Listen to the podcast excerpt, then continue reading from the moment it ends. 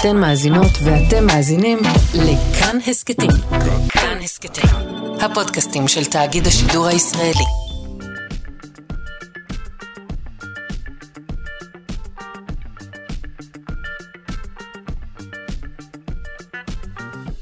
שלושה שיודעים. שלום למצטרפים אלינו לשעה השנייה של שלושה שיודעים כאן בכאן תרבות 104.9 או 105.3 FM. שעה זו שלפנינו אה, תוקדש כולה לשיחה על הצבא הרומי. אה, הצבא הרומי כבעצם מראה למרקם החיים החברתי בתקופת האימפריה הרומית, ובכלל אה, שיחה על אה, צבאות אה, אז ואולי גם היום. אה, איתי באולפן כבר מתארגן לשיחה הדוקטור גיא שטיבל מהחוג לארכיאולוגיה ותרבויות המזרח הקדום באוניברסיטת תל אביב. לפני שנתחיל נספר לכם שהעורך שלנו הוא רז חסון, שהפיקה אותנו טל ניסן, אה, לביצוע הטכני אלון מקלר, אני שרון קנטור. אם אינכם יכולים להאזין, השיחה הזו תפציע גם כהסכת ביישומון של כאן אה, וביישומונים אה, ביישומונים הנבחרים האחרים. זהו, בואו נתחיל.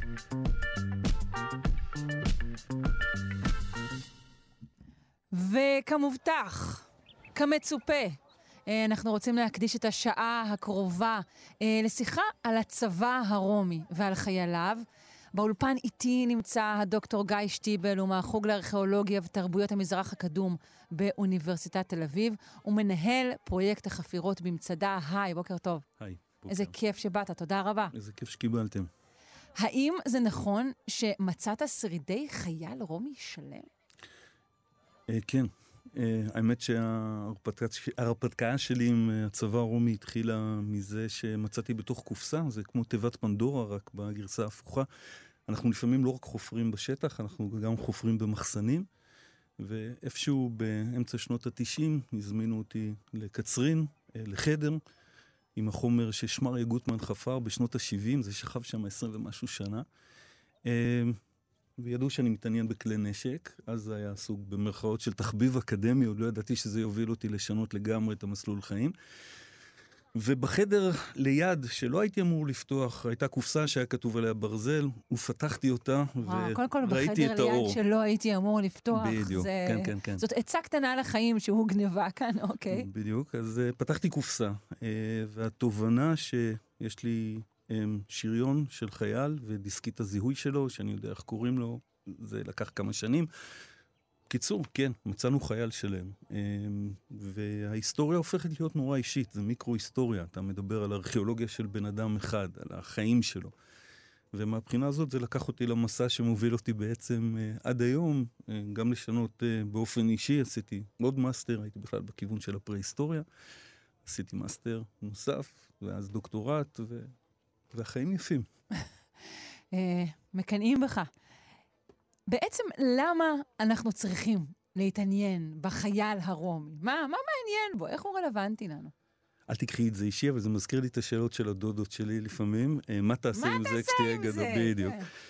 אמ, מעבר לזה שזה מאוד רלוונטי, כי אנחנו מסתכלים היום על העולם מסביבנו המאוד מורכב, ורוסיה ואוקראינה ואימפריות נופלות, וכל מיני טקסטים שאחר כך הופכים uh, לשירים של להקות כאלה ואחרות, אז חיילים הם חיילים הם חיילים, ואימפריות הם אימפריות הם אימפריות, והיחסים בין אזרח ושלטון זה דבר שמאוד מאוד נוכח עד היום בחיים שלנו.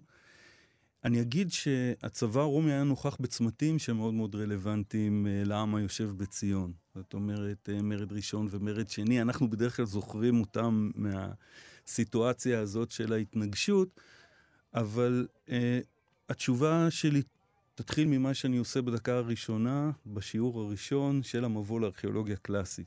אני מקריא טקסט מהתלמוד ואני מראה קטע ממונטי פייתון. ובתלמוד. יושבים אה, שלושה חכמים, אה, ובמרכאות מקטרים. אחד אומר, ראו מה נעים מעשיהן של אומה זו, הוא מדבר על הרומים, תראו מה הם נתנו לנו, כבישים, בתי מרחץ, גשרים. אחד שותק, והשלישי אומר, כל מה שעשו, עשו למען עצמם. זאת אומרת, אה. היין והיאנג הזה של אה, טוב ליהודים או רע ליהודים. והוא ששותק הוא או חכם או חירש. אה, אני חושב שהוא החכם, הוא מבין ש, אוקיי. שהדרך הזו עשויה להוביל לכיוון אמהם. לא טוב, וגם הדרך השנייה. והוא דווקא הרוב הדומם, במקרה הזה תרתי משמע. ואז יש את מונטי פייתון, Life of Brian, יושבים שלושה, בעיקר ג'ון קליז, ו-What have the Roman ever done for us. בסופו של דבר, אנחנו, אני מסתכל עלייך, אנחנו כולנו רומים, אנחנו כולנו יוונים. זאת אומרת, כל מי שחי היום בעולם המערבי, בסוף, בסוף, בסוף, כמו שהאדמו"ר המנוח מאיר אריאל כתב בסוף כל משפט שאומרים בעברית, אז... יושב ערבי עם נרגילה, אז, אז בעצם יושב בסוף רומי. יושב רומי. בדיוק. ואנחנו יושבים על ברכי התרבות הזו לחלוטין. לגמרי, ואני חושב שמבחינתי הצבא הרומי הוא כלי, החייל הרומי הוא כלי כדי להבין בעצם את העולם, להבין את החיים. אה, יש לזה המון רלוונטיות גם לכאן, לחיים שלנו היום, אבל זה כבר על אחריותנו בלבד, או על אחריות המאזין או המאזינה המשכילים, לאן הם לוקחים את זה. אוקיי, כל הסמליות, חברים, היא על אחריותכם בלבד. אה, איפה נמצאים הממצאים, מעבר לאותו חייל שתיארת שמצאת, איפה נמצאות העדויות אה, שלנו לגבי החיילים הרומים, הצבא הרומי? אז אם אנחנו רוצים ללמוד על העולם הרומי, אנחנו יכולים לטייל בכל העולם. העולם. אה, וזה אחד הכיפים הגדולים, לקחת את הסטודנטים שלנו, אה, לא רק לטייל בארץ, אלא גם מטעם אוניברסיטת תל אביב, אנחנו יוצאים החוצה אה, לכנסים, ואנחנו, חזרתי מחומת אדריאנוס, ציינו 1900 שנה לאותו זה שקוראים לו ביהדות שחיק עצמות או שחיק תמי, הקללה הכי גרועה שאפשר לאחל למישהו, לא רק הלוואי שתמות, אלא הלוואי שיפתחו את הקבר שלך, יוציאו את העצמות וישחקו אותם לאבק. זה מה שהיהודים מאחלים לצוררים הכי גדולים. אבל כמי שמתעסק בעולם הרומי, אה, ברשומון הזה, אה, אדריאנוס נחשב לאחד הקיסרים הכי טובים, האופטימליים, אחד מחמשת הקיסרים הטובים. מה הפך אותו לכזה? אה, הוא היה סוג של פילוסוף, אה, הוא כתב שירה, המשפט האחרון, דרך אגב, שהוא אמר, היה שיר נורא יפה שהוא כתב על הנשמה שלו שעומדת לעזוב את הגוף. אה, הוא, אני חושב שהוא היה איש משכיל, מצד שני, גם uh, מבחינת היהדות uh, חטפנו ממנו במרד בר כוכבא מכה שלקח הרבה מאוד שנים להתאושש ממנה. אבל כשאני חוזר אליו ולעובדה שנסעתי לצפון אנגליה כדי לראות את חומת אדריאנוס, כי בסופו של דבר מה שהחזיק את האימפריה הענקית הזאת, שבאמצע שלה יש את הים התיכון, שהרומים קוראים לו מרם נוסטרום, הים שלנו, אז מה שהחזיק את האימפריה, השלד של האימפריה, בסופו של דבר זה הצבא. וכדי ללמוד עליהם, אה, אנחנו יכולים להיות כאן בארץ, אנחנו יכולים אה, להגיע לסוריה, למרוקו, אנחנו יכולים להגיע אה, למקומות שנקראים בעצם על שם הרומאים, כן, רומניה הייתה דקיה בעבר, ובעקבות הכיבוש הרומי הפכה להיות כזו. אז למעשה אפשר לראות את טביעת האצבע שלהם בכל מקום. אמ, בדרך כלל אנחנו רואים את זה לאורך החזיתות. אני לא אוהב להשתמש במילה גבול, כי לא תמיד זה באמת היה גבול, ולאורך החזיתות מוצאים את מחנות הצבא. אבל למעשה הממצאים של החיילים הרומים היו בכל מקום. זאת אומרת, כל מי שהסתובב, זה קצת כמו שחברים שלי מגיעים מחו"ל ואומרים, או, oh, יש פה המון חיילים, אנשים בירוק שהולכים עם נשק. עכשיו, אנחנו לא רואים את הדברים האלה, אבל הם הם הסתובבו במרחב, mm. ואפשר היה לפגוש אותם בכבישים, אפשר היה לפגוש אותם שהם דופקים לך בדלת כי הם באים לקחת מיסים, ועוד כהנה וכהנה וכהנה. כלומר, הם לא היו רק בשדה הקרב, הם היו בכל נכון. מקום, מה שנקרא, מעורבים באוכלוסייה האזרחית. אז אנחנו באמת זוכרים אה, את הצבא הרומי מהטראומות, כן? או מהפוסט-טראומות הגדולות של חורבן הבית, של מרד בר כוכבא. אבל המפגש, אה, ואת זה אפשר לראות את השקיעים בתוך הגמרא, בתלמוד למשל, אם אתה הולך בדרך ופוגש חייל רומי, אם יש לו מקל, תן אותו בצד אחד, ואם יש לו חרב, תן אותו בצד שני, ואם אתה בירידה והוא מגיע, אל תכופף את ראשך, כי הוא רוצץ את גולגלתך בגזירין, זאת אומרת, הוא ממש יפגע בך. זה סוג של... מאיפה זה נמצא? אה, זה, זה, זה נמצא בתלמוד הירושלמי. זה הוראה שנמצאת, אוקיי. וזה ממש, אה, זה הוראות שנכתבו בדם, כן, על ידי הרלב"ד של אז, איך להתנהג בדרך, כי יכולת לפגוש חיילים. אז כמו שאמרת מאוד יפה, זה היה שלוב בכל אספקט בחיים, כי חייל, ובוא נודה על האמת, גם צה"ל הוא לא רק כוח לוחם או כוח מגן, הוא בסופו של דבר שלוב בהיבטים הכלכליים, נגיד בשקט גם בהיבטים הפוליטיים, אנשים שאחר כך, אחרי הפרישה הופכים להיות פוליטיקאים, זה גם היה בצבא הרומי. הם, הם אלה שדאגו לכיבוי האש ברומא, ומדי פעם היו שרפות גדולות, גם אם הקיסרים לא ניגנו בכינור כמו שהם טוענים. אה, הם דאגו לאסוף מיסים, למשל אה, בתור אחד שמשלם אה, ארנונה, המס הצבאי הרומי נקרא אנונה מיליטריס. עכשיו אנחנו מוסיפים רייש כמו בליסטה הופכת לבליסטרה, אז אנונה הופכת לארנונה, אז כשאתם משלמים לחולדאי או בפרדס חנה או בירושלים, אז תדעו למה אתם משלמים, תאשימו את הרומאים. אמ, זה, זה שילוב באמת בכל היבט, כולל בשפה שלנו בלשון, ואני אגיד יותר מזה, הצבא הרומי הפך להיות המודל של הצבאות עד היום. זאת אומרת, זה ממש המודל הצבא המערבי, אה, במבנה שלו, במשמעת שלו, בחלוקה, במערכת היחסים. Mm-hmm. אה, כלומר, כשאנחנו מתארים אבל את הצבא, לפחות לפי דבריך, הוא בעצם כולל אה, כוח שיטור, הוצאה לפועל, כיבוי אש. אז, אז גם היו כוחות. אה, נתחיל מההתחלה. כן. אוקיי. הקיסר הראשון, קוראים כן. לו אוקטביאנוס, אנחנו קוראים לו הנשגב, אוגוסטוס או סבסטוס אה, ביוונית. ואוגוסטוס בעצם מארגן את הצבא מחדש, וכמו שאמרת, הוא מקים יחידות שיש להן כמה תפקידים. אז למשל, אה, יש את ה vigiles, שמשמר הלילה, הציור המפורסם הזה של רמברנדט, שמדי אהמ. פעם אנשים משחיתים אותו בעבר. אז הם היו אחראים לשיטור, כדי שיהיה בטוח ברחובות, הם היו אחראים על אה, כיבוי האש. אמ, ומדי פעם האימפריה בעצם ניצלה את הכוח הזה, שרוב הזמן לא נלחם. זאת אומרת, שוב, הראייה שלנו היא קצת מעוותת. אנחנו כן. בעיקר כסוג של אומה מורדת ומרדנית, הם גם תופסים אותם כבעייתיים, וגם הם תפסו אותנו אה, כבעייתיים. אבל הם, חוקר בריטי בשם ג'ון מקמולן כתב שהחייל הרומי הממוצע ראה קרב בפאב או בטברנה הקרובה למחנה. זאת אומרת, okay. אוקיי. זה לא, רוב הזמן הם לא נלחמו, הם היו עסוקים... ניהלו, הם שלטו שלטון צבאי. נכון, ו- mm-hmm. ומה שמדהים זה שבאותה אימפריה ענקית שהגיעה מצפון אנגליה, צפון בריטניה, אה, כחובב וויסקי, תודה לאל שהם לא כבשו את השבט הזה שנקרא סקוטי, שנמצא שם בצפון ומשאיר לנו את מי החיים, אה, את הוויסקי, אבל... כל המרחב הזה, לאורך הריינוס, הריין והדנובה וצפון אפריקה והאזורים שלנו, הכל נשלט על ידי 300 אלף חיילים. עכשיו, 300 אלף חיילים זה לא הרבה. לא, זה מעט מאוד. נכון, וחלק מהעניין היה האימפקט שלהם, הנוכחות שלהם. זאת אומרת, מספיק מעט חיילים כדי להבין שאתה לא מתעסק איתם אה, אם לא צריך. וצריך להבין שהשירות היה שירות קבע של 25 שנה, התגייסו סביב גיל 18, יש משהו בגיל הזה אה, שאנשים כמותנו, סליחה על ה... אה, הוספה שלך uh, לעשור המסוים הזה, אנחנו כבר מבינים שיש לנו אולי דברים לאבד. בגיל 18 אתה רואה את התקווה הגדולה, אתה uh, לא חושב, uh, אולי פחות חושב על המשפחה, אתה יותר חושב על הווירטיו, כן, המידות הטובות. virtus מגיע מ vir, שזה גבר, ושוב התנצלותי, אבל זה עולם מאוד שוביניסטי ומאוד פטריארכלי, אז רק גברים משרתים בצבא, והם מחפשים את ה gloria mundi, את תהילת העולם.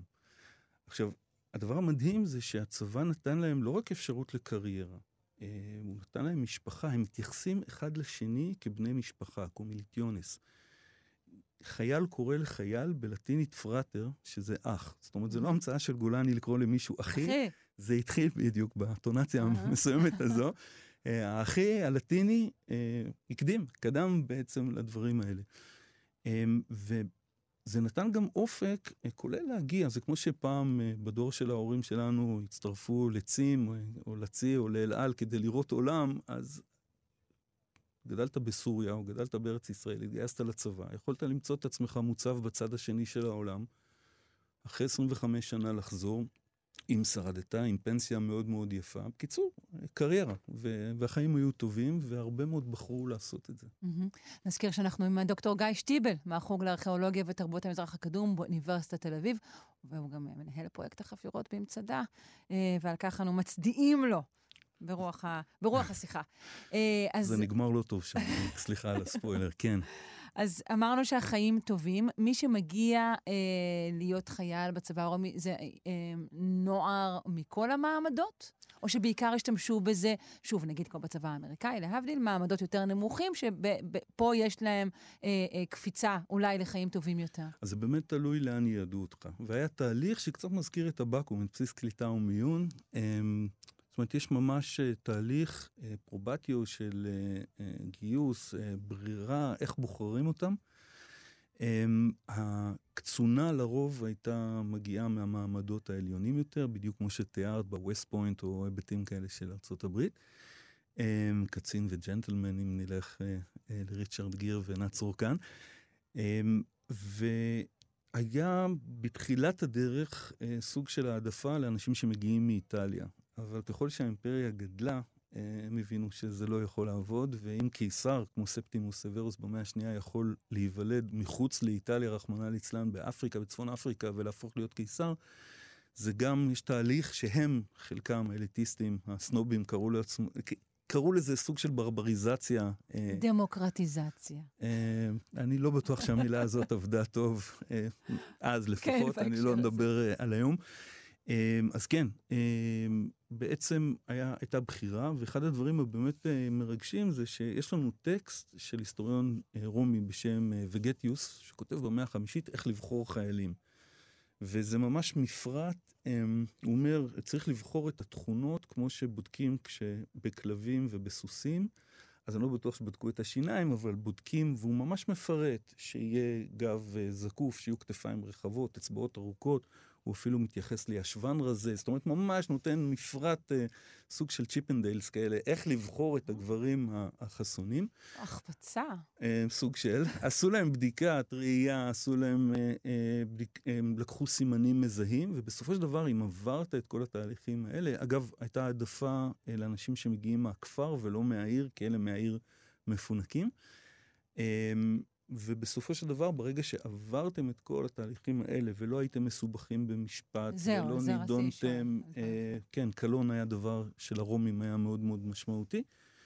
אה, אז נכנסתם לרשומות, לאקטה, אה, קיבלתם סוג של כתובת קעקע, אה, לא נדבר על הסרט גלדיאטור שיש לי איתו הרבה מאוד בעיות, אבל הייתה, הייתה איזושהי... לא נריב. לא, לא נריב. אבל הייתה, היה בעצם איזושהי כתובת קרקע וקיבלתם סוג של דיסקית אה, זיהוי והתחלתם את השירות שלכם. חייל שהתגייס לצבא ועבר את כל התהליך הזה נקרא טירו וברבים טירוניס, ויש לי תחושה שאת מכירה את המילה מהטירונות והטירונים. זה בעצם גנבנו או לקחנו או השתמר מהתקופה ההיא. עברתם שלושה ארבעה חודשים של אימונים, שקודם כל התעמדתם בכלי נשק אה, מעץ כדי לא לפגוע במדריך שלכם, למורה בלטינית קוראים דוקטור, וזה אה, נכון. בעצם מה שאנחנו עושים, מלמדים. ניסו למנוע תאונות אימונים בשלב הזה. לגמרי, ואז מתאמנים להיות בקבוצה אחת, אה, ואז אה, שמים אתכם. האזרחים, רק אזרחים יכולים להיות חיילים בליגיון, אנשים חופשיים יועדו לחיל העזר, שזה סוג של ליגיון זרים, והרומים מאוד מאוד היו בעלי מודעות עצמית. הם לא אמרו שאנחנו הכי טובים. זאת אומרת, הם אמרו שהסקיטים הם קשתים יותר טובים, והספרדים הם קלעים יותר טובים, מה שהם עשו פשוט הביאו אותם. כמו שאנחנו mm. כרתנו ברית דמים כזו או אחרת אה, עם הדרוזים ועם הבדואים, ובעצם הכנסנו אותם, וזה הפך להיות סוג של כור היתוך. אז במובן מסוים גם הצבא הופך להיות משהו שיוצר אה, חיבורים של מי שלפעמים היה האויב שלך, ואתה מחבר אותו ומכניס אותו לצבא שלך, זה לא שלא היו תקלות בדברים האלה, אבל כשזה עבד, אמ, ככה האימפריה גדלה, וככה היא אזרחה אה, את האנשים שלפעמים היו האויב שלה, והפכו אותה להיות חלק מהם. למי שהיה אזרח הייתה אזרחות, אבל מי שהיה אה, אדם חופשי, קיבל למעשה צ'ופר, והסטודנטים שלנו, אחרי שהם גומרים תואר, הם מקבלים דיפלומה. דיפלומה זה בעצם תעודה. מי שעבר 25 שנים של שירות קיבל תעודה, שזה ממש היה גרין קארט, כי אתה הופך להיות אזרח ובני המשפחה שלך הופכים להיות אזרחים, ואתה פתאום הופך להיות חלק מהאימפריה. אז זו... ממש זו... משתלם. כן. מה לגבי קידום בצבא הזה? אמ, אחרי השלב הטירון? אז, אז זו שאלה מצוינת, כי אני חושב שהם הבינו טוב מאוד מה המשמעות של צבא מקצועי. קודם כל קיבלת משכורת, שזו הייתה מוטיבציה, וכל ארבעה חודשים מקבלים משכורת, ויש מדרג. אה, ויש לנו אפילו מידע, אפילו מהארץ, יש לנו תלוש משכורת, שאם תרצי, אפשר להרחיב על הפחתות המס במקור וכולי, זה נמצא במצדה. לא, לא, אני לא צוחק, זה, זה נושא... אה, כמילואימניק פעיל, אני אומר, זה נושא כאוב, כי המשכורת שלהם אז הייתה, גם באופן יחסי, הרבה יותר טובה. גבוהה יותר. לגמרי. אמ, וגם הייתה פנסיה, והם קיבלו אדמות, ובקיצור... רגע, אי, פנסיה יש פה לא רעה בכלל. אמ, כן, אבל אה, בואו בוא נדבר אה, על פנסיה תקציבית, אבל אמ, בסופו של דבר היה, היה אופק, היה אופק תעסוקתי, גם לקצינים, גם לחיילים, כולם בעצם שאפו להגיע לדרגה אחת, להיות הוותיקים. בלטינית קוראים לזה אימיונס, שזה החסינים. אנחנו מכירים את החיסון מהשנתיים, מהמם. שלוש האחרונות. החסינות הייתה מפני לעשות uh, תורנות של uh, חדר אוכל, בתי שימוש, uh, בתי מרחץ. חייל שעבד uh, בניקוי של בית מרחץ, הם שנאו את זה, נקרא בלניס. ואם את מכירה הבל- את המילה בלן. של הבלן אהה. והבלנית, בדיוק, כן. זה מגיע משם, כי בלנו זה בית מרחץ. Um, והוותיקים, בעצם היה להם פטור משמירות וכל מיני דברים כאלה, אבל, גם המשכורת שלהם הייתה יותר גבוהה, אבל הציפייה הייתה שהם יהיו ראשונים על החומה. אה, ואם אתה עושה את הדברים האלה, אתה נחשף אה, לעולם נפלא שהרומים המציאו, שהוא קרוי המדליות. וכמו שאנחנו רואים את אה, אחינו ואחיותינו בני חבר העמים הרוסי, שבתשעה במאי אה, היום כפופים גם בגלל הגיל, אבל גם בגלל המשקל של המדליות, אז הרומים היו הראשונים שנתנו את הדונה מיליטריה, דונטיבה, to donate, לתת, אז הם היו ממש מדליות אה, לכל מיני מעשים ראויים, וזו הייתה מוטיבציה נוספת. זאת אומרת, גם העלאה במשכורת, גם פטור וגם כבוד, אה, לא פחות חשוב. ומה שקידם אותך זה ותק, והאם אזרחים וזרים, גם זרים יכלו להתקדם כן. באותו אופן? כן, הם Mhm. התקדמו במסלולים שלהם, זאת אומרת, כמו כל דבר. אה, הצבא התחלק לשלושה חלקים, זה לא המצאה של צבא ההגנה לישראל. היה לנו את הליגיון, היה לנו את חיל העזר והיה לנו את הצי. הצי דאג להעביר את הדואר, את החיילים, אה, בעלי חיים, את החיטה. חיל העזר נתן את כל הדברים שהצבא הרומי, שבעיקר היה ליגיונרים, אה, חיילים רגליים, חי"רניקים, מהמם. לא היה טוב בהם. וניתן היה להתקדם במסלולים האלה. אה, הקצין, המפקד, נגיד המ"פ, נקרא בלטינית קנטוריון. וזה כמו הטנק ההוא, צנטוריון שהיה, מפקד של 100 חיילים, שאחר כך גם שם היו קיצוצים, זה הפך ל-80 חיילים, אני לא אכנס לכל הפרטים האלה, אבל אה, הוא יכול היה להפוך אה, לקצין, לעלות בעצם בדרגות, אה, עד שהוא יהפוך להיות פרימוס פילוס, שזה בעצם הקצין הכי בכיר של הליגיון. יש לנו מצבה נורא יפה שאני נורא אוהב לצטט בשיעורים. אנחנו לא קיבלנו את ה... לא השתמר השם של אותו קצין, אבל הוא מספר על הקריירה שלו, קוריקולום ויטאי, ה-CV, גם את זה גנבנו, והוא מספר על כך שבסופו של דבר אה, הוא זכה להרוג דקים, אה, רומנים, כי הוא חייל קרבי והוא רצה לעשות את זה. הוא זכה לצעוד במצעד ניצחון נהדר, זכה לשבת על כס השלום, זכה ב... ליהנות מכל היתרונות הכלכליים הטמונים בלהיות פרימוס פילוס, דהיינו, הוא קודם לדרגה הכי גבוהה שיכולה להיות. ואז הוא מסיים את זה שזכיתי לראות את הנימפות עירומות, אני, אני אשאיר למאזינות ומאזינים לדמיין. אה, אנחנו עולם שמאמין בטינקרבל ובפיות, אלה הם הנימפות, אה, אז גם את זה הם ראו. וזה אחרי 25 שנים. אז כן, היה קידום, ואפשר היה להיות מוצב במקומות כאלה ואחרים, ולראות עולם, זה היה חלק... אני מניחה שלא לבחירתך, אלא לפי הצורך אה, נכון. של האימפריה. נכון. בוא נדבר על איך החיילים האלו נראו. הם, כשמסתכלים בתלמוד, אז התלמוד מתייחס אליהם כאדומים. אדומים? אה, כן, אז בתור אוהד הפועל קטמון או הפועל ירושלים דהיום, אה, קל לי עם הדבר הזה. אה, בדרך כלל הייתה להם טוניקה אדומה, זאת אומרת, אם נלביש אותם לצורך העניין, לא, נתחיל מההתחלה. חיילים בדרך כלל הלכו עם תחתונים, כי הטוניקה הייתה קצרה, ואז העין יכולה לראות דברים שהיא לא אמורה לראות, Mm. עד כדי כך שבגמרא, בתלמוד, יש תלונות שהחיילים אה, הרומים מסתובבים ערומים בשוק. הם לא הלכו באמת קומנדו. ערומים בשוק. אבל בדיוק, הם הלכו. המילה אוקיי, קומנדו פה מתאימה, נפלא. אמ, אז יש טוניקה אה, אדומה, למטה זה שוב, זה מאוד תלוי אם אנחנו באזורים אה, בוציים או חורפיים יותר או פחות, אז אם אנחנו באזורים כמו זה שחזרתי ממנו, אז יש חותלות ויש מגפיים מסומרות, קצת כמו הנעלי כדורגל שעכשיו כולם אה, רואים במונדיאל עם אה, מהמם. מסמרים אה, מתחת. הסנדל במקרה שלנו, באזורים היותר חמים, בעצם היה סנדל פתוח, עם רצועות מאוד מאוברר, מחזיק מאוד טוב את הרגל, הסוליה, שלוש שכבות עם מסמרים. אתם לא מרגישים, זאת אומרת, זה לא פקירים, הם לא, לא הרגישו את זה, אבל זה נתן אחיזה מאוד מאוד טובה בשטח. לסנדל הזה קוראים קליגה, שזה מזכיר אולי דמות בשם גאיוס קליגולה. אה, גאיוס קליגולה, לא קראו לו קליגולה, זה בעצם היה הכינוי שלו, ובתור בן למישהו בשם גרמניקוס, שהיה מפקד בכיר, אה, היו מגורי משפחות. זאת אומרת, הילדים אה, והאנשים של הקצינים הבכירים ביותר גרו במחנה, במחנה הקבע, והילד פשוט ביקש מאבא אה, מנעלים, אה, אני יודע, פלדיום או דוקטור מרטין, זה צבאיות שכאלה. ועשו לו סנדל קטן שכזה, וכולם, הסיומת שלה בלטינית זה קטן. אה, אז נגיד, כולנו דיברנו על הקפסיס, זה קופסה. קליגולה זה... זה נעל קטנה, זה אוקיי. המשמעות, סנדל קטן, וואו. ואם אנחנו זוכרים את זה שישבנו בקפסולות, בעצם קפסיס זה קופסה, גם מילה שגנבנו, קפסולה זה פשוט קופסה קטנה. זה הקפסולות של הקורונה, אם עדיין זוכרים את הדבר הזה. אז קליגולה זה דבר אחד, אבל כולנו מכירים את המילה קלגסים, שזה בעצם הגיע מהדבר הזה. אז יש לנו סנדלים, כשחייל צעד ברחוב, אפשר היה לשמוע את, ה, את הצעידה הזאת, זאת אומרת, הייתה אימפקט שהארץ רעשה. אתה אומר החייל, אבל הם, הוא לא צועד לבד, על פי רוב נכון. החייל. אז תחשבו על 5,200 חיילים שצועדים בסך. אה, אתה, האיש החכם יזוז הצידה רק, רק מהאימפקט הזה. אם אנחנו עולים למעלה, אה, זה מאוד תלוי אה, מה הסיטואציה. זאת אומרת, אם אנחנו בעולם טקסי, אז תהיה טוניקה אלבה, טוניקה לבנה, מדי א' א', כמו של חיל הים, באמת, זה, משם זה מתחיל.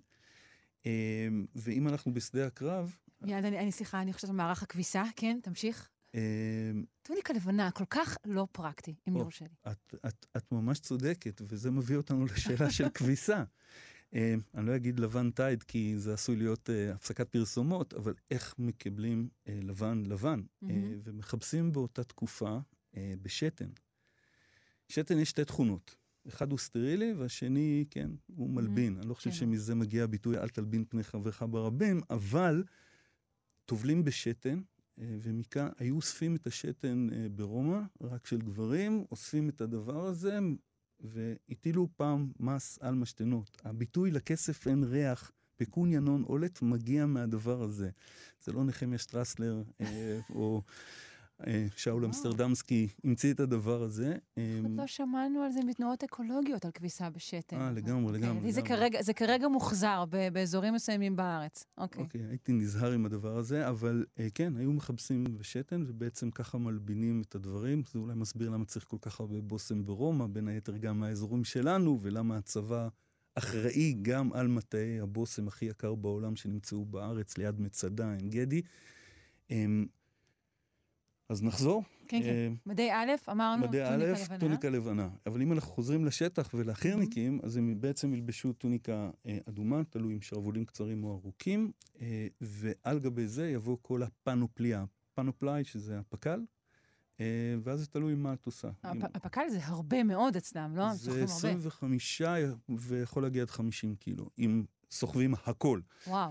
יש שריון שהוא יכול להיות או שריון טבעות או שריון קשקשים, או בדרך כלל שריון לוחיות אה, מברזל, אה, שהוא מתקפל, קצת נראה כמו ארמדילו או אורי כדורי, החיה. הזאת אה, שמתקפלת, אה, והוא בעצם היה, הייתה חפיפה וזה היה מאוד נוח, קצת דומה לשריון שיש אה, לחיילי, חיילי, לשחקני פוטבול אמריקאי, שהם בדרך כלל נראים כמו מקרר side by side ככה, אז זה הגדיל גם את החייל, מה שכמובן עשה אפקט אה, פסיכולוגי על האויבים. אה, מעל זה תהיה קסדה, אה, יהיה לך בצד ימין חרב, לא בצד שמאל, אגב, אה. כי... לצורך שליפה. לצורך שליפה, אבל שולפים את זה מצד ימין, מה שרוב האנשים הם דווקא משתמשים ביד נכון, ימין, אז יותר נוח הציפייה... לעשות אה, קרוס בעניין הזה. אז בדיוק, אבל אוקיי. הקרוס הזה הוא מסוכן כדי לא לקבל אפקט ואן גוך לזה שנמצא לשמאלך, כשאתה שולף, וב' יש לכם גם מגן ביד, מגן מאוד מאוד גדול, שנקרא סקוטום, הוא מגן עליכם משלושה איברים, קצת דומה למגינים של המשטרות, השקופים האלה, כן. אז אה, גנבו את העיצוב מהרומים. אה, וכל הדברים האלה הם אדומים ויש עליהם סמלים, כי האלים, הם מאמינים שהם לא רק האומה הנבחרת, אלא שהאלים לטובתם. אפילו יוספוס כותב את זה, שסוד ההצלחה, שהאל נוטה להם חסד. אמ, אז חייל רוצה לשמור על עצמו, רוצה גם אה, לייצר את התחושה הזאת של הזדהות אה, עם היחידה, מעין גאוות יחידה.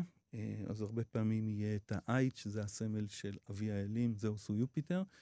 אמ, ולפעמים אנחנו מוצאים טאץ' אישי, שזה הדברים שאני הכי אוהב בממצא, אה, כל מיני שפצורים. אז למשל, בחייל, במרכאות שלי מגמלה, האיש הקדים את זמנו באלף שנה, כי מה שמצאנו הוא שהייתה הייתה בעיה בשריון המסוים הזה, שהיו חוליות מאחורה בגב שהיו יכולות לזוז, ואז הוא כמובן היה חשוף, ודיקור בגב ראה יוליוס קייסר, דבר שלא מומלץ.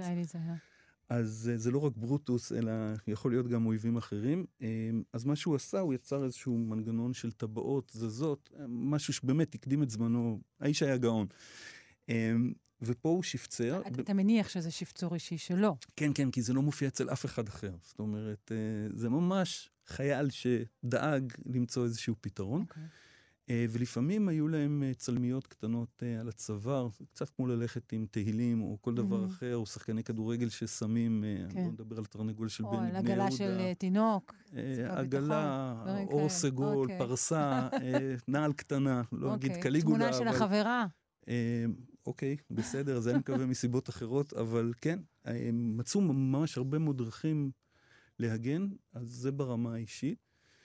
ולמעלה יש קסדה, אה, שהיא מעוצבת בצורה נפלאה. אה, והדבר המדהים זה כמה לפעמים פוליטיקה יכולה להשפיע על, על ציוד, כי הקסדה של צבא ההגנה לישראל אה, היא נלקחה מהבריטים אחרי מלחמת העולם השנייה. אבל הוא לא עיצוב טוב, יסלחו לי, המקום שנולדתי בו. אה, אז דווקא העולם הגרמני, הנאצי, עיצב את הקסדה הטובה ביותר, אה, שהיא די לקוחה על סמך המודל אה, הרומי, שמגיע עד לעורף. שמסתירה גם את העורף. מסתירה mm-hmm. גם את העורף ומגינה גם על אזורי האוזניים. ומסיבות פוליטיות מאוד ברורות לא חזרו לעיצוב הזה עד לאחרונה, ובעצם צה"ל קנה פוליטי אתה מתכוון, כאילו סמליות? לא רוצה שזה ייראה כמו? אני חושב סמליות, של. כן, כן, והלכו לעיצובים, ובסופו של דבר, דרך הקסדות האמריקאיות שהוצבו בעקבות הדגם הזה, חזרו בחזרה. Uh, הצבא הרומי מאוד, uh, ואנחנו רואים גם את השינוי, התאים את הציוד שלו גם למול האויב. זה הרבה פעמים uh, מכניזם של שינוי של נשק מאוד קשור לאיומים. אז uh, פיתחו כיפת ברזל כי היו קסאמים וכל מיני דברים כאלה ואחרים. גם העולם הרומי התמודד עם הדברים האלה, והם משפצרים ומשנים ועושים חיזוקים, וחלק מזה נכנס uh, לכל החיילים. מה ו... לגבי הדיסקית? לא הגענו אליה. אז uh, כן, היו להם דיסקיות, גם סביב הצוואר, אבל גם על הציוד. ובעצם אני התחלתי את המסע שלי uh, בעקבות uh, קופסת גפרורים קטנה, שפתחתי אותה, um, ראיתי מה שנקרא טבלת אוזניים קטנה, שלושה סנטימטר, והשלושה סנטימטר האלה שינו לי את החיים. קיבלתי אישור ייצוא מרשות העתיקות, נסעתי עם זה אה, לאנגליה, ופגשתי את פרופסור רוג'ר טומלין, שהוא האיש היחיד שיכול לקרוא את הדברים האלה.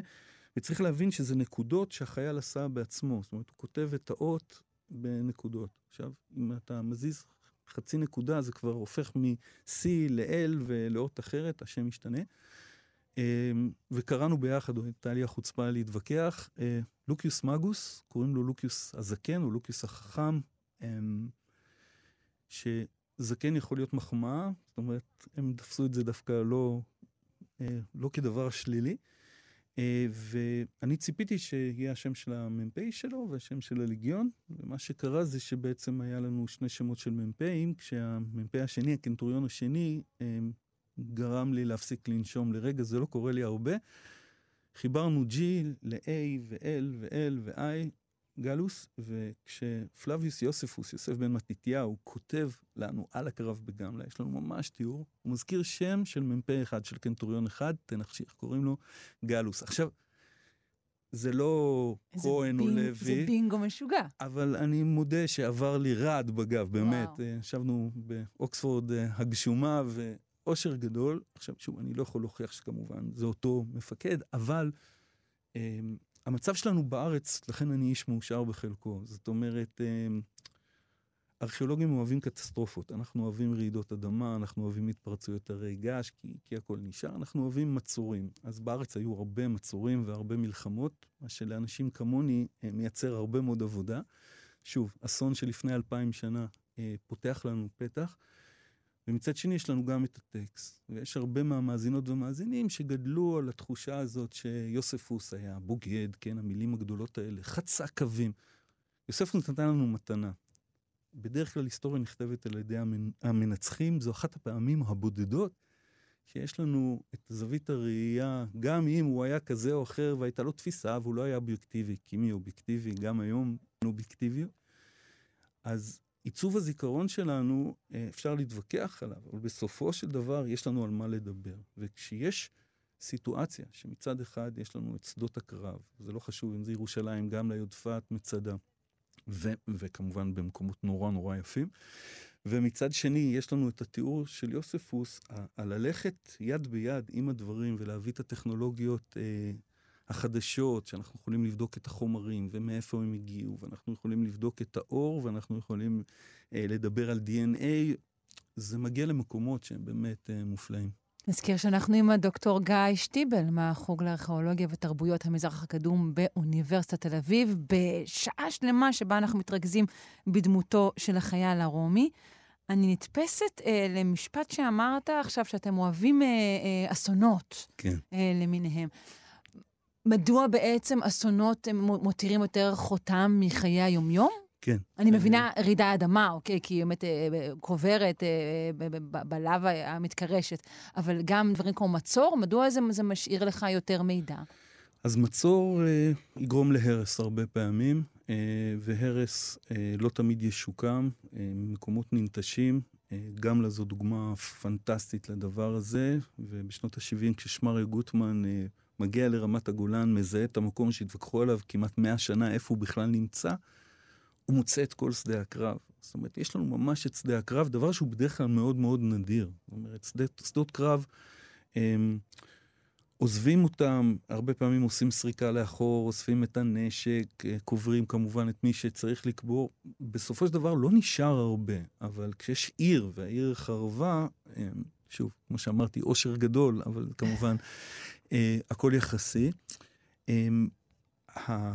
הנקודות האלה בזמן, שהצמתים הללו, שלמעשה אנחנו יכולים לתת אליהם הצצה, האתגר שלנו הוא ללכת אחורה או ללכת קדימה ולהבין דווקא מה קורה ב-100, 200, 300, לפעמים הרבה יותר שנים, שהם היו החיי היום-יום. זאת אומרת, פה אני אומר סוג של אזהרה אלינו, זאת אומרת, ההתלהבות מזה שמצאת את שדה הקרב בסדר, אבל רוב האנשים לא חוו את הדבר הזה. זאת אומרת, בסופו של דבר החיים היו בדיוק כמו ש, שתיארת, אה, איסוף מיסים, מפגש בבית, אה, הליכה בדרך, זה, אל, אה, אלה היו החיים. מדי פעם אנחנו מקבלים את ההצצות הללו, ואז זה גם יוצר גם דרמות, גם אצל הרומים, כי הם צריכים לגייס עכשיו הרבה מאוד חיילים.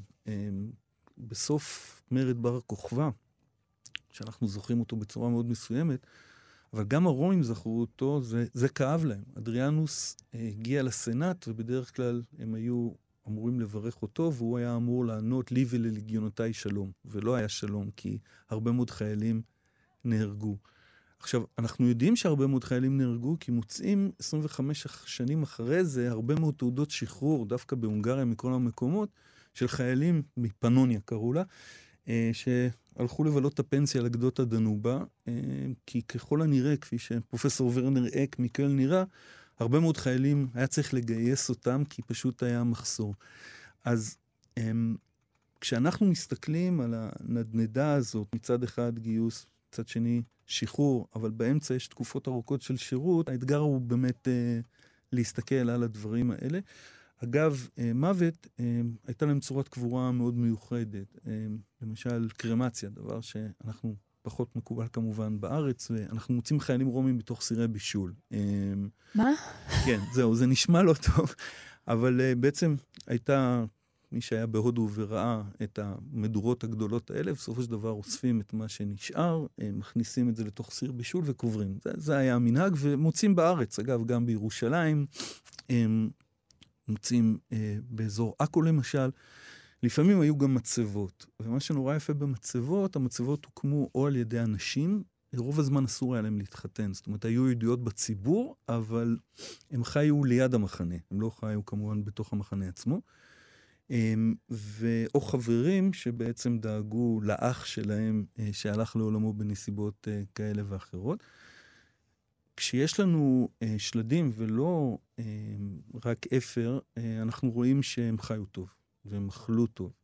הם היו אומניבורים אגב. Mhm. רואים את זה מהשרידים של העצמות, הם אוכלים הכל. פעם הייתה תחושה שהם צמחונים, אנחנו יודעים שזה ממש לא היה העניין. אה, מציד, אה, דרך אה, בשר, אה, הרבה פעמים שעועית שנתנה אה, הרבה מאוד אה, חלבונים, אה, ואנחנו ממש יכולים לעקוב אה, גם אחרי הדיאטה הצבאית, אה, מנות קרב, מנות ברזל, זאת אומרת, יש להם מהמם. את כל הדברים האלה שבסופו של דבר אנחנו רואים. גם אצלנו, ואלכוהול, אוהבים מאוד מאוד לשתות אלכוהול, זה לא השתנה, ואם אתם מגיעים לצפון אנגליה, תעצרו במקום שנקרא וינדולנדה, ותוכלו לראות שם מכתבים אה, שנכתבו אז, והיה סוג של משק גרי- גריסה, אה, הלכו בעצם להשמיד את כל המסמכים שהיו במפקדה, אה, הדליקו מדורה וקרה הנס, אה, שקורה הרבה בצפון אנגליה, התחיל לרדת גשם, המדורה נכבתה, זה התכסה בבוץ, וקיבלנו הצצה לעולם שלהם, ויש שם ממש אה, פירוט של מה אוכלים ומה לעשות ואיך, וקיצור, חיים שלמים, והרבה מאוד אלכוהול כאמור. בירה, דרך אגב, באזורים האלה. אנחנו מדברים הרבה אה, לאחרונה, אה, כאן בישראל, על, אה, על מוסריות של מהמם. צבא. כן. האם היה לצבא הרומי אה, קוד אתי שאנחנו יודעים עליו, ובכלל עיסוקים במוסר? כן, אה, היה אפילו דיון שאפשר אה, לדבר על יפי נפש, והם גם התעסקו במה הכיבוש עושה לך, ושוב, כל אחד שיקח את זה לאיפה שהוא רוצה לקחת את זה. בסופו של דבר הצבא הוא כלי בידי הקיסר ובידי האימפריה, וכשהאימפריה מכה, וכשהיא מכה שנית, היא לפעמים מכה מאוד מאוד כואב. אה, כשאנחנו מסתכלים אה, מה מה מותר ומה אסור לעשות אה, בשדה הקרב. אה, אז אנחנו רואים התייחסות למעשים שאמורים לא להיעשות. זאת אומרת, היה ממש חוק שיפוט. יוספוס למשל מספר על אירוע שהיה בירושלים, שעריקים יהודים בלעו מטבעות זהב, קצת כמו הברחה של חומרים אסורים, ויצאו אה, החוצה בעצם כשבויים, ו... טיטוס ואנשיו שחררו אותם. אה, ואז יצאה שמועה שהיהודים בעצם הולכים הצידה, עושים את מה שעושים, ואוספים את הכסף והולכים. בתוך כמה שעות אה, חיילים רומים פשוט אה, מבדקים את הבטנים של אה, אלפיים יהודיות ויהודים בשביל למצוא את הזהב. בשביל למצוא את הזהב. וטיטוס עוצר את כולם, כן, אמר, מלחמה זה לא דבר נחמד. אם זה, אם זה לשמה למישהו, מישהי, שזה רק אה, הרפתקה נחמדה, לא, זה נגמר הרבה פעמים לא טוב לשני בבטן הצדדים. משוספת. בבטן, אהה. מש... בדיוק. וטיטוס קורא אותם לסדר וממש מדבר על כך שהם ביישו את כבוד הנשק שלהם, ממש אה, תואר הנשק שעשוי מזהב וכסף. ו... והוא אפילו אומר שהוא נוזף לא רק ב... בחיילים בחיל העזר שהם לא אזרחים, אז הם לכאורה הברברים, שאפשר לצפות מהם להתנהגות כזאת, כי גם שם היו מעמדות וגם הם הסתכלו על אנשים שהגיעו ממקומות כאלה ואחרים מהמם. בעין אליטיסטית, אפילו אם הם היו חלק מהם. אה, והוא נוזף גם במפקדים של החיילים אזרחים, כי היו כמה כאלה שעשו את הדבר. אז אנחנו רואים אה, שיש חוק, ויש גם לפעמים התדיינות האם להרוס או לא להרוס אה, את העיר. אה, הרבה פעמים זה היה משיקולים כלכליים. אתה לא תהרוס את העיר, כיוון שאתה רוצה ליהנות מהפירות ומהמיסים מאוחר יותר. אבל הם לא היו בצופים, ובסופו של דבר הם הורסים על ימין ועל שמאל, ויש לנו הרבה מאוד חורבנות. אמ, והתהליכים האלה הם חלק מהדברים שמעצבים אה, את המרחב שלנו ואת הסביבה שלנו. אני אפילו טוען טענה שהרגיזה כמה אנשים, שהיה דיון פילוסופי, במיוחד בתקופה של אדריאנוס, אה, בדבר הזה שנקרא קלמנטיה, קלמנסי, לעשות תיקון. אה, אני טוען שאדריאנוס בונה את ירושלים מחדש, עיר שהייתה הרוסה. אה, מכיוון שהוא רצה לעשות תיקון על ההרס. זאת אומרת, היה תפיסה פילוסופית שאם אתה הורס, כולל מקדש של האויב שלך, אתה יכול לפגוע בעצמך. וצריך לעשות תיקון. עכשיו, לא כולם מקבלים את זה, ויש טענות אחרות, אבל זה קרה כמה פעמים בהיסטוריה. יוליוס קייסר עשה את זה, אוגוסטוס עשה את זה. הם בנו למשל את קרתגו מחדש, 102 שנים אחרי שנהרסה.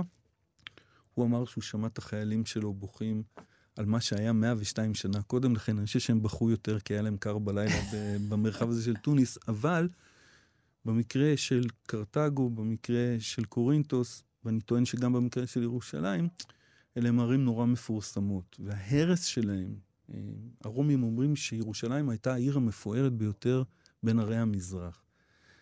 ברגע שאתה בונה את הדבר הזה מחדש, אתה נותן איזושהי מתנה לעולם. עכשיו, לא בונים אותה כעיר יהודית, כן? לא בונים כן. בית מקדש, בונים אותה כעיר רומית. אבל מבחינת הרומים זה היה סוג של תיקון. מהמם.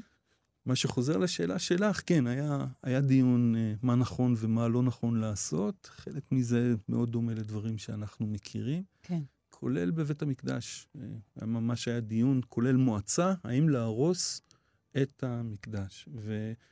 וכשקוראים את הטקסט של יוספוס, זה, זה ממש נשמע כמו דיונים שמתקיימים פה בקריה כשיוצאים לאיזשהו מבצע, ויש גם עורכי דין לגבי נזה, נזק אה, אגבי של אזרחים וכדומה, ואם כן לעשות, ואם זה מוצדק. וטיטוס, עכשיו אפשר להאמין ליוספוס או לא, אם באמת היה דיון כזה, אבל אה, טיטוס אומר שהמקום הזה מקדש, ואז אחרים אומרים לא, אבל היהודים נלחמים ממנו, זה כבר מפסיק להיות מקדש, הוא הופך להיות מצודה.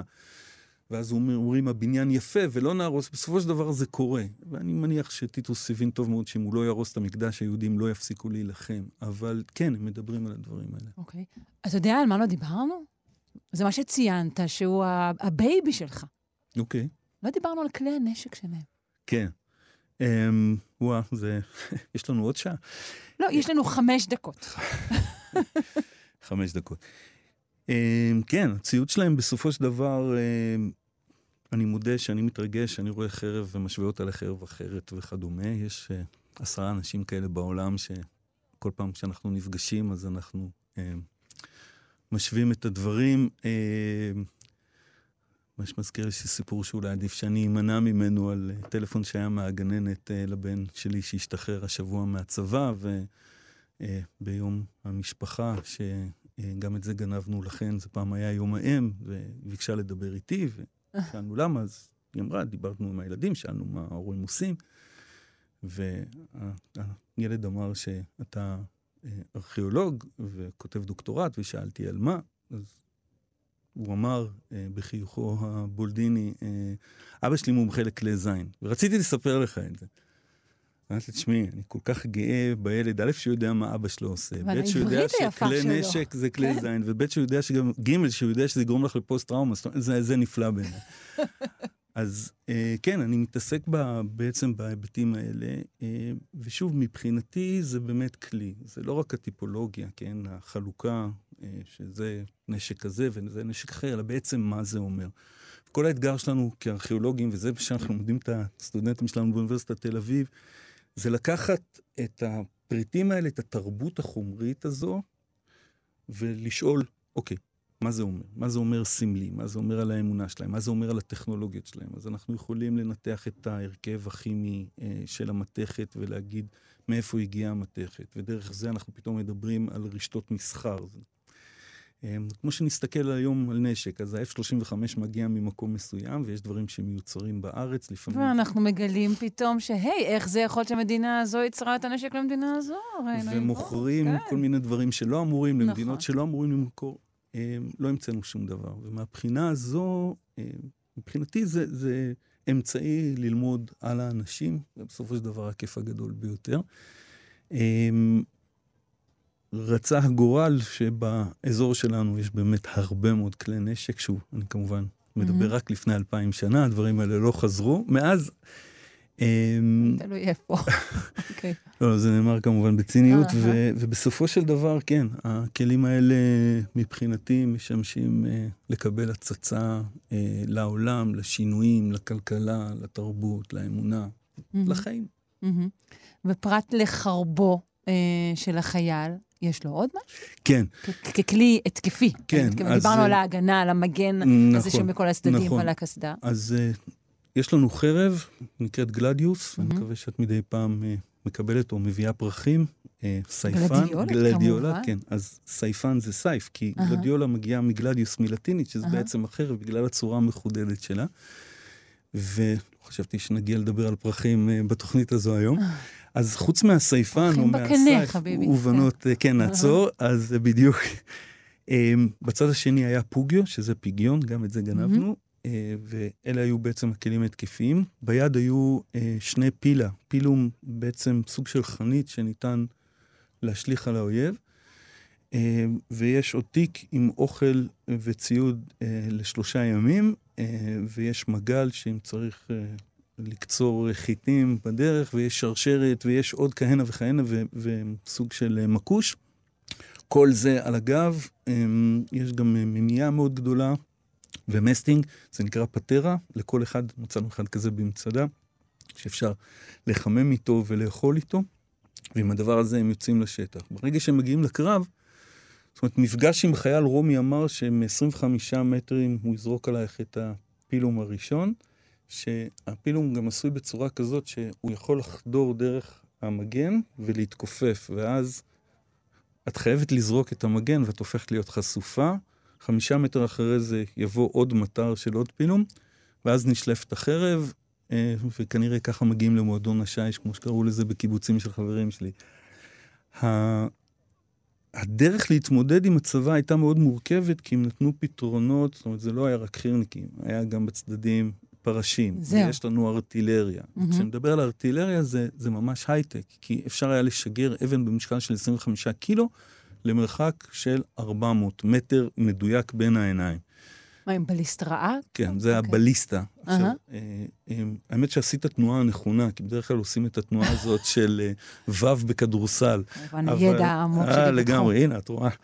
אז כן, זה, זה, זה לא היה כוחות, בקיצור, זה מה שאני רוצה להגיד. כי לא רק שיש להם חיילים, והם מאומנים, וזה קריירה של 25 שנה, והם לוקחים חיילים מאומות אחרות כדי להפוך את עצמם לטובים ביותר, הם גם מביאים את הטכנולוגיה הטובה ביותר. אגב, הטכנולוגיה הזאת של כלי ארטילריה היוונית, כמובן, כמו עוד הרבה דברים טובים שהם לקחו מיוון.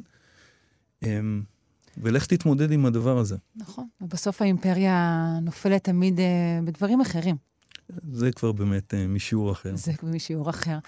Uh, זהו, uh, זמננו תם. אני מאוד מאוד מאוד מודה לך שבאת. נם לי מאוד. Uh, נשמח אם תבוא שוב. דוקטור גיא שטיבל, מהחוג לארכיאולוגיה ותרבויות המזרח הקדום באוניברסיטת תל אביב, וגם נזכיר, מנהל uh, פרויקט החפירות במצדה. תודה רבה. תודה לך, שרון.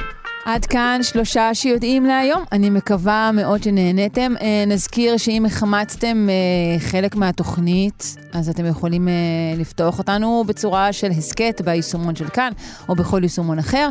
אנחנו משודרים גם בשידור חוזר בשעה שמונה בערב.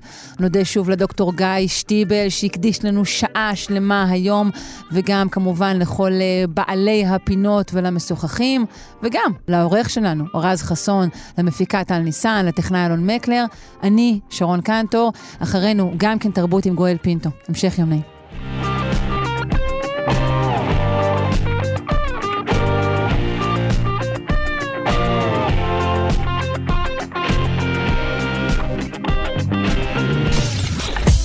אתן מאזינות ואתם מאזינים לכאן הסכתים. כאן הסכתים, הפודקאסטים של תאגיד השידור הישראלי.